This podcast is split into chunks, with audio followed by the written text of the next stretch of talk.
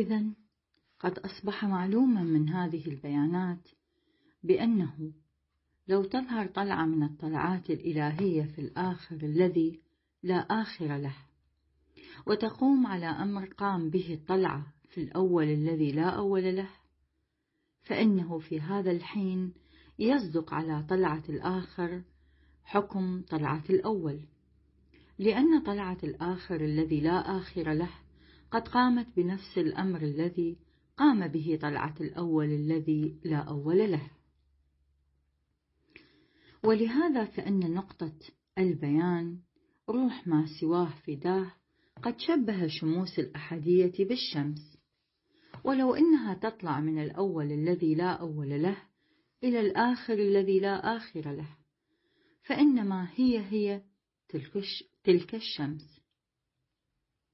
والآن لو يقال بأن هذه الشمس هي هي الشمس الأولية فهو صحيح. ولو يقال عنها بأنها رجوع تلك الشمس فهو صحيح أيضا. وكذلك يصدق من هذا البيان ذكر صيغة, صيغة الختمية على طلعة البدء وذكر صيغة البدئية على طلعة الختم. لأن ما يقوم به طلعة الختم هو هو بعينه ما قام به جمال البدء.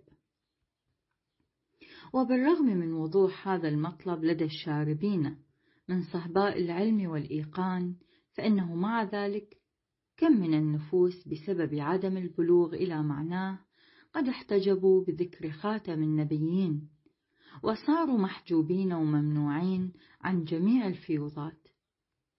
مع أن الحضرة المحمدية قد قالت أما النبيون فأنا. وكذلك قالت إنني آدم ونوح وموسى وعيسى كما سبقت الإشارة إلى ذلك. ومع هذا لم يتفكروا كيف أنه بعد أن جاز لذلك الجمال الإلهي أن يقول عن نفسه. إني آدم الأول.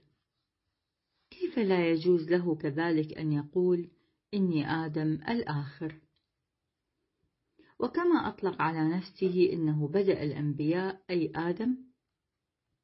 كذلك بمثل هذه الكيفية يطلق على ذلك الجمال الإلهي إنه ختم الأنبياء أيضا.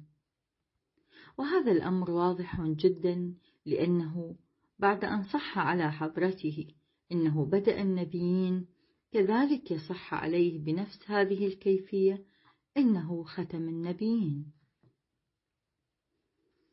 ولقد امتحن جميع أهل الأرض في هذا الظهور بهذا المطلب حيث أن الأكثرين منهم قد تمسكوا بنفس هذا القول وأعرضوا عن صاحبه. وإنني لا أدري ماذا أدرك هؤلاء القوم من الأولية والآخرية للحق جل ذكره. إن يكن المقصود من الأولية والآخرية هي الأولية والآخرية في العالم الملكي فإن عالم الملك لم يصل بعد إلى المنتهى. فكيف تصدق إذن الآخرية على تلك الذات الأحدية؟ بل إنه في هذا المقام تكون الأولية نفس الآخرية والآخرية عين الأولية. وخلاصة القول إنه كما تصدق الآخرية على ذاك المربي للغيب والشهود في الأول الذي لا أول له. كذلك تصدق أيضا على مظاهره بنفس هذه الكيفية في الحين الذي يصدق فيه عليهم اسم الأولية. يصدق فيه, فيه عليها أيضا اسم الآخرية. وفي الحين الذي يكونون فيه جالسين على سرير البدئية يكونون في نفس الحين مستقرين على عرش الختمية. ولو يكون لأحد بصر حديد فإنه يشاهد بأن مظهر الأولية والآخرية والظاهرية والباطنية والبدئية والختمية هم هؤلاء الذوات المقدسة والأرواح المجردة والأنفس الإلهية. ولو تكون طائرا في هواء قدس. كان الله ولم يكن معه من شيء. لترى أن جميع هذه الأسماء لدى تلك الساحة معدومة عدما صرفا ومفقودة فقدا بحتا؟ وما كنت تحتجب أبدا بعدها بهذه الحجبات والإشارات والكلمات. فما أعلى وألطف هذا المقام الذي فيه لا يهتدي جبرائيل إلى السبيل بغير دليل ولا يستطيع الطير القدسي أن يطير فيه بغير إعانة غيبية. والآن فافهم قول علي أمير المؤمنين حيث قال كشف سبحات الجلال من غير إشارة. ومن جملة السبحات المجللة هم علماء العصر وفقهاء زمان الظهور الذي هم جميعا نظرا لعدم إدراكهم واشتغالهم بالدنيا وحبهم للرياسة الظاهرية لم يذعنوا لأمر الله. بل إنهم كانوا لا يمدون آذانهم لاستماع النغمة الإلهية بل يجعلون أصابعهم في آذانهم. ولما كان العباد قد اتخذوهم أيضا أولياء من دون الله. لذا هم منتظرون لرفض تلك الخشب المسندة المسندة وقبولهم لأنه ليس لهم بصر ولا سمع ولا قلب ليميزوا به ويفرقوا من تلقاء أنفسهم بين الحق والباطل. مع أن جميع الأنبياء والأولياء والأصفياء قد أمروا العباد من قبل الله بأن يسمع كل بأذنه ويرى بعينه. مع ذلك ما اعتنوا بنصح الأنبياء بل صاروا تابعين لعلمائهم ولا زالوا لهم تابعين. ولو أن مسكينا أو فقيرا عاريا عن لباس أهل العلم يقول يا قوم اتبعوا المرسلين. سورة ياسين. ليقولن في جوابه إن هؤلاء العلماء والفضلاء مع ما لهم من الرياسة الظاهرة والألبسة الأنيقة اللطيفة لم يفهموا ولم يدركوا الحق من الباطل. وأنت وأمثالك قد أدركته ويتعجبون غاية العجب. من مثل هذا القول بالرغم من أن أمم السلف هم أكثر عددا منهم وأعظم قوة وأكبر شأنا. ولو تكون الكثرة ولباس العلم دليلا وشاهدا على العلم والصدق لكانت الأمم السابقة البت أولى بذلك منهم وأسبق. وفضلا عن وجود هذه الفقرة فإنه من المعلوم الواضح أنه في جميع أحيان ظهور المظاهر القدسية كان علماء عصرهم يصدون الخلق عن سبيل الحق. يشهد بذلك ما دون في جميع الكتب والصحف السماوية. فإنه ما بعث أحد من الأنبياء إلا وكان معرض البغض والإنكار والرد والسب من العلماء. قاتلهم الله بما فعلوا من قبل ومن بعد كانوا يفعلون. والآن أي سبحات الجلال أعظم من هياكل الضلال هذه؟ والله إن كشفها أعظم الأمور وخرقها أكبر الأعمال. وفقنا الله وإياكم يا معشر الروح. لعلكم بذلك في زمن المستغاث توفقون ومن لقاء الله في أيامه لا تحجبون.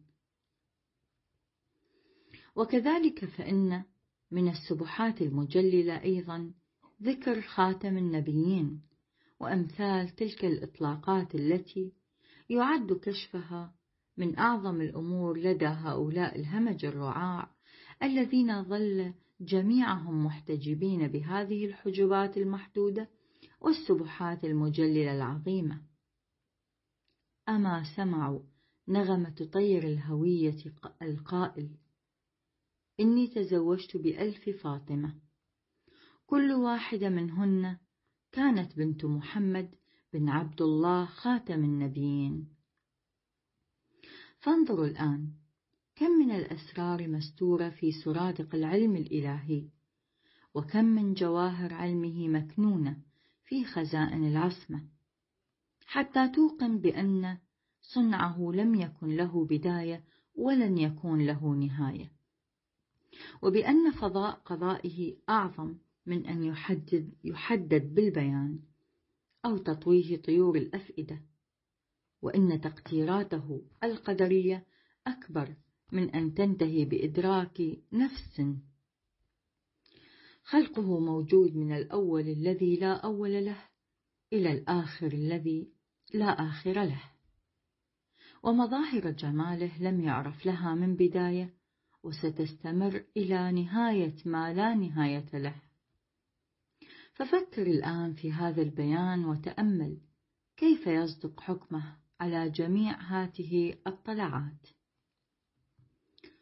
وكذلك فادرك نغمة الجمال الأزلي حسين بن علي حيث يقول لسلمان ما مضمونه؟ إني كنت مع ألف آدم والمدة الفاصلة بين كل آدم وآدم خمسون ألف سنة. وقد عرفت على كل منهم ولاية أبي. ثم يذكر من التفاصيل حتى يقول إني خضت ألف, مو... ألف موقعة في سبيل الله بحيث أن أصغر موقعة موقعة وأقلها كانت مثل غزوة خيبر التي حارب فيها أبي وجاهد ضد الكفار. فكد نفسك الآن واجهدها حتى تفهم من هاتين الروايتين أسرار كل من الختم والرجع والصنع الذي لا أولي لا أولية له ولا آخرية. فالخلاصة يا حبيبي إن نغمة اللاهوت مقدسة من, عن من أن تحد بحدود سمع أهل الناسوت وإدراكاتهم. وأن لنملة الوجود أن تطرق بقدمها في ساحة المعبود. مع ذلك فالنفوس الضعيفة بسبب عدم الإدراك تنكر هذه البيانات المعضلة وتنفي أمثال هذه الأحاديث. بلى لا يعرف ذلك إلا أولي الألباب. قل هو الختم الذي ليس له ختم في الإبداع ولا بدء ولا بدء له في الاختراع. إذا يا ملأ الأرض في ظهورات البدء تجليات الختم تشهدون. يا للعجب الشديد من إن هؤلاء القوم يتمسكون في بعض المراتب التي تطابق ميولهم وأهوائهم بأية منزلة في الفرقان. أو حديث من أحاديث أولي الإيقان. وفي بعض المراتب التي تغاير أهواءهم يعرضون بالمرة. أفتؤمنون ببعض الكتاب وتكفرون ببعض؟ سورة البقرة. ما لكم كيف تحكمون ما لا تشعرون؟ مثل ذلك ما أنزله رب العالمين في الكتاب المبين بعد إذ ذكر الختمية في قوله تعالى ولكن رسول الله وخاتم النبيين سورة الأحزاب. وعد جميع الناس بلقائه كما تشهد بذلك آيات الكتاب الدالة على لقاء مليك البقاء مما قد ذكرنا بعضا منها. والله الأحد شاهد على هذا القول بأنه لم يذكر في الفرقان أمر أعظم من اللقاء ولا أصرح منه فهنيئا لمن فاز به في يوم أعرض عنه أكثر الناس كما أنتم تشهدون. ومع ذلك صاروا معرضين بالحكم الأول عن الأمر الثاني بالرغم من أن حكم اللقاء في يوم القيامة منصوص في الكتاب. ولقد ثبت وتحقق بالدلائل الواضحة أن المقصود من القيامة هو قيام مظهره على أمره. وكذلك المقصود من اللقاء لقاء جماله في هيكل ظهوره إذ إنه لا تدركه الأبصار وهو يدرك الأبصار. وبالرغم من جميع هذه المطالب الثابتة والبيانات الواضحة قد تمسكوا بذكر الختم من حيث لا يشعرون وظلوا محتجبين بالمرة عن موجد الختم والبدء في يوم لقائه. ولو يؤاخذ الله الناس بما كسبوا ما ترك على ظهرها من دابة ولكن يؤخرهم إلى أجل مسمى. سورة فاطر وبصرف النظر عن هذه المراتب لو كان هؤلاء القوم قد ذاقوا قطرة من العين اللطيفة عين يفعل ما يشاء ويحكم ما يريد لما كانوا يعترضون أبدا على محل الأمر بمثل هذه الاعتراضات غير المرضية. الأمر والقول والفعل في قبضة قدرته. كل شيء في قبضة قدرته أسير. وإن ذلك عليه سهل يسير. فاعل لما يريد وعامل بما يشاء. من قال لما وبما فقد كفر. ولو إن هؤلاء العباد يشعرون قليلا بما ارتكبوا ليهلكن في الحين وليقذفن أنفسهم بأيديهم إلى النار التي هي مقرهم ومرجعهم. أما سمعوا قوله تعالى لا يسأل عما يفعل. سورة الأنبياء. ومع وجود هذه البيانات كيف يقدر المرء أن يتجاسر ويسأله ويشتغل بزخارف القول؟ سبحان الله. قد بلغ جهل العباد وعدم عرفان عرفانهم إلى حد ومقام أصبحوا فيه مقبلين إلى علمهم وإرادتهم ومعرضين عن علم الحق وإرادته جل وعز. فانصفوا الآن. لو يكون هؤلاء العباد موقنين بهذه الكلمات الدرية والإشارات القدسية ويعتقدون أن الحق يفعل ما يشاء كيف بعد إذن يتشبثون بهذه الزخارف من القول ويتمسكون بها؟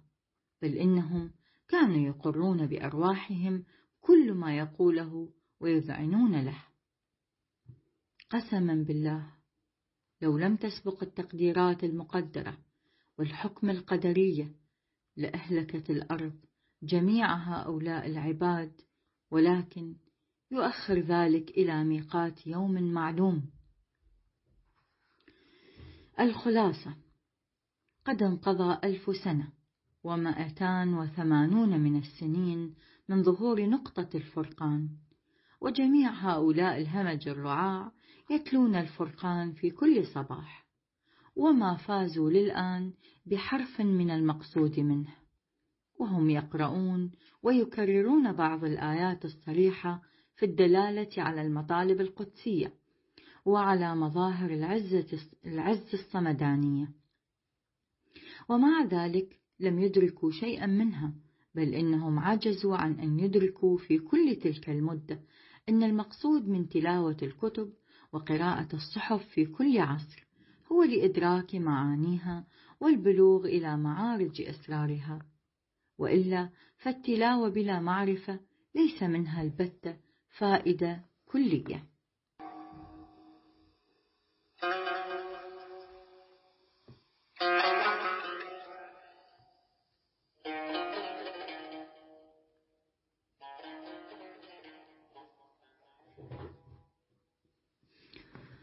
ولقد حدث أن حضر شخص ذات يوم عند هذا الفقير إلى بحر المعاني. وجاء في سياق الحديث معه ذكر علائم القيامة والحشر والنشر والحساب. فأصر وألح على الاستفهام منا كيف تم حساب الخلائق في الظهور البديع مع أنه لم يطلع عليه أحد فألقينا عليه حينئذ بعضا من الصور العلمية والشؤونات الحكمية على قدر إدراك السامع وفهمه ثم قلنا له بعد ذلك أفي كل تلك المدة لم تتل القرآن؟ وألم ترى الآية المباركة التي تقول فيومئذ لا يسأل عن ذنبه إنس ولا جان. سورة الرحمن. وألم تلتفت إلى أن المقصود من معنى السؤال ليس كما أدركتموه؟ بل إن السؤال ليس باللسان ولا بالبيان كما تشعر به وتدل عليه هذه الآية. لأنه يقول بعدها يعرف المجرمون بسيماهم فيؤخذ بالنواصي والأقدام. سورة الرحمن. إذا بهذا يكون حساب الخلائق من سيماهم وظهور كفر الجميع وإيمانهم وعصيانهم من وجوههم. مثل ما هو مشهود اليوم من معرفة أهل الضلالة بسيماهم وتمييزهم بها عن أصحاب الهداية. فلو إن هؤلاء العباد يمعنون النظر في آيات الكتاب خالصا لوجه الله وطلبا لرضائه ليدركون منها البتة جميع ما يطلبونه بدرجة إنهم يدركون من آياته ظاهرا مكشوفا. كل الأمور الواقعة في هذا الظهور من الكلي والجزئي حتى خروج مظاهر الأسماء والصفات من الأوطان. وإعراض الملة وإغماض الدولة وسكون مظهر الكلية واستقراره في الأرض المعلومة المخصوصة. ولكن لا يعرف ذلك إلا أولو الألباب. أختم القول بما نزل على محمد من قبل ليكون ختامه المسك الذي يهدي الناس إلى رضوان قدس منير. قال وقوله الحق والله يدعو إلى دار السلام ويهدي من يشاء إلى صراط مستقيم. سورة يونس. لهم دار السلام عند ربهم وهو وليهم بما كانوا يعملون. سورة الأنعام. ليسبق هذا الفضل على العالم والحمد لله رب العالمين. لقد كررنا البيان في كل مطلب. لعل يأخذ كل امرئ من الشريف والوضيع حظه ونصيبه من هذه البيانات على قدره واستعداده. وإذا ما عجز إنسان عن إدراك بيان فإنه يدرك مقصوده من بيان آخر ليعلم كل أناس مشربهم. قسما بالله إن لهذه الحمامة الترابية نغمات غير هاته النغمات ولها رموز غير هذه البيانات. كل نكتة منها مقدسة عما سبق بيانه وجرى به القلم. فلتحدد المشيئة الإلهية الوقت الذي تبرز عرائس المعاني من القصر الروحاني بغير حجاب وتخطو بقدم الظهور في ساحة القدم وما من أمر إلا بعد إذنه وما من قدرة إلا بحوله وقوته وما من إله إلا هو له الأمر له الخلق والأمر وكل بأمره ينطقون ومن أسرار الروح يتكلمون. لقد سبق أن بينا من قبل إن للشموس المشرقة من المشارق الإلهية مقامين أحدهما مقام التوحيد ورتبة التفريد كما سبقت الإشارة إليه من قبل لا نفرق بين أحد منهم. سورة البقرة. وثانيهما مقام التفضيل ومقام عالم الخلق ورتبة الحدودات البشرية. ففي هذا المقام لكل واحد منهم هيكل هيكل معين وأمر مقرر وظهور مقدر وحدود مخصوصة. بمثل ما أن كل واحد منهم موسوم باسم وموصوف بوصف ومأمور بأمر بديع وشرع جديد. كما يقول تلك الرسل فضلنا بعضهم على بعض منهم من كلم الله ورفع بعضهم درجات وآتينا عيسى ابن مريم البينات وأيدناه بروح القدس.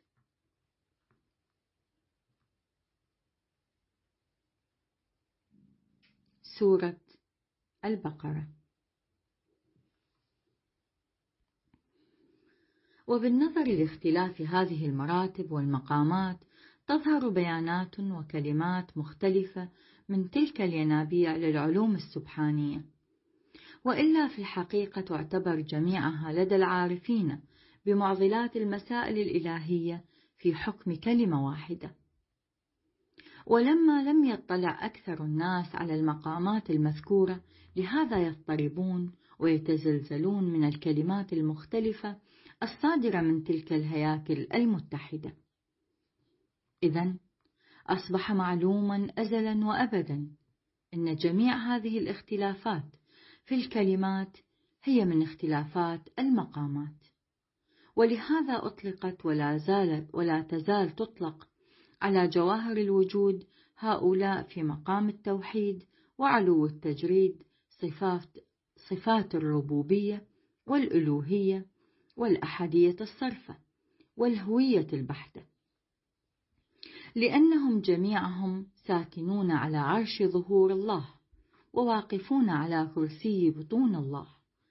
أعني أن ظهور الله ظاهر بظهورهم وجمال الله مشرق من وجوههم. لهذا قد ظهرت نغمات الربوبية من هذه الهياكل الأحدية.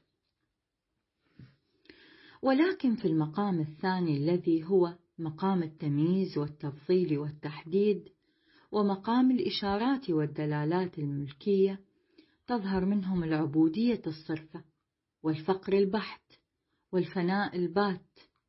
كما يقول إني عبد الله وما أنا إلا بشر مثلكم. فادرك من هذه البيانات المثبوتة المحققة مسائلك التي قد سألت عنها حتى تكون راسخا في دين الله غير متزلزل من اختلافات بيانات الأنبياء والأصفياء. وإذا ما سمع من المظاهر الجامعة إني أنا الله فهو حق ولا ريب فيه.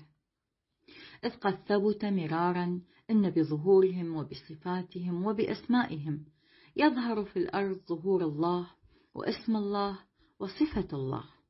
ولهذا يقول وما رميت إذ رميت ولكن الله رمى. سورة الأنفال. وكذلك يقول إن الذين يبايعونك إنما يبايعون الله. سورة الفتح. وإذا ما تغنوا بنغمة إني رسول الله فإنه أيضا صحيح ولا شك فيه كما يقول ما كان محمد أبا أحد من رجالكم ولكن رسول الله. سورة الأحزاب. وفي هذا المقام هم جميعا مرسلون من لدن ذاك السلطان الحقيقي والكينونة الأزلية.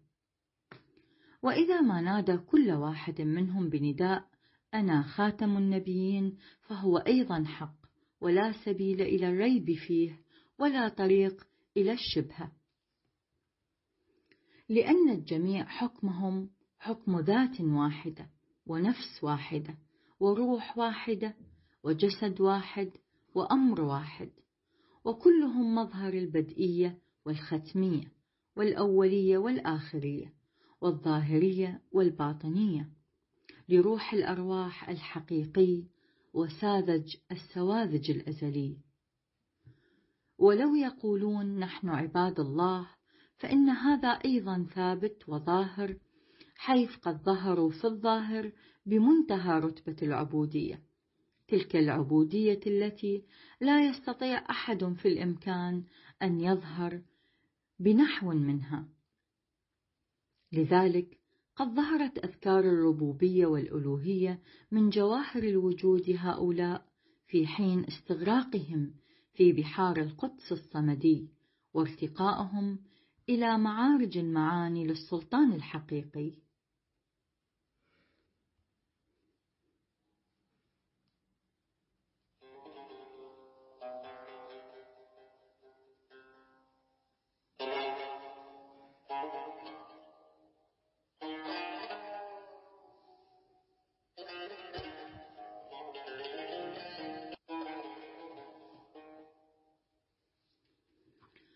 وإذ ما نظر بعين التدقيق يرى أنهم في هذه الرتبة قد اعتبروا قد اعتبروا أنفسهم في منتهى العدم والفناء أمام الوجود المطلق والبقاء الصرف حتى كأنهم عدوا أنفسهم عدما صرفا وجعلوا ذكرهم في تلك الساحة شركا لأن مطلق الذكر في هذا المقام دليل على الوجود والبقاء. وإن هذا لخطأ كبير عند الواصلين. فكيف بذكر الغير أو اشتغال القلب واللسان والفؤاد والروح بغير ذكر المحبوب أو ملاحظة العين غير جماله أو إصغاء الأذن لغير نغمته أو مشي الرجل في غير سبيله. ولقد هبت نسمة الله في هذا الزمان وأحاطت روح الله من في الإمكان فامتنع القلم عن الحركة وتوقف اللسان عن البيان. والخلاصة أنه بالنظر إلى هذا المقام قد ظهر منهم ذكر الربوبية وأمثالها. وفي مقام الرسالة أظهروا الرسالة. وهكذا في كل مقام جاءوا بذكر حسب اقتضائه ونسبوا كل هذه الأذكار إلى أنفسهم فهي أذكار من عالم الأمر إلى عالم الخلق ومن عالم الربوبية إلى العوالم الملكية. لهذا فمهما يقولون ومهما يذكرون من الألوهية والربوبية والنبوة والرسالة أو الولاية والإمامة والعبودية كله حق ولا شبهة فيه. إذا يجب التفكر في هذه البيانات التي استدللنا بها حتى لا يضطرب أحد بعدها ولا يتزلزل من الاختلافات في أقوال المظاهر الغيبية والمطالع القدسية. والمقصود أنه يجب التفكر في كلمات شموس الحقيقة حتى إذا لم تدرك وتعرف يجب الاستفهام والسؤال عنها من الواقفين على مخازن العلم حتى يبينوها ويوضحوها ويرفعوا الإشكال عنها لأنهم يفسرون الكلمات القدسية بعقولهم القاصرة وإذا لم يجدوها مطابقة لأهوائهم وما في أنفسهم يقومون على الرد والاعتراض. وهكذا حال علماء العصر وفقهائه في هذا اليوم. من أولئك الذين يجلسون على مسند العلم والفضل ويعتبرون الجهل علما ويسمون الظلم عدلا.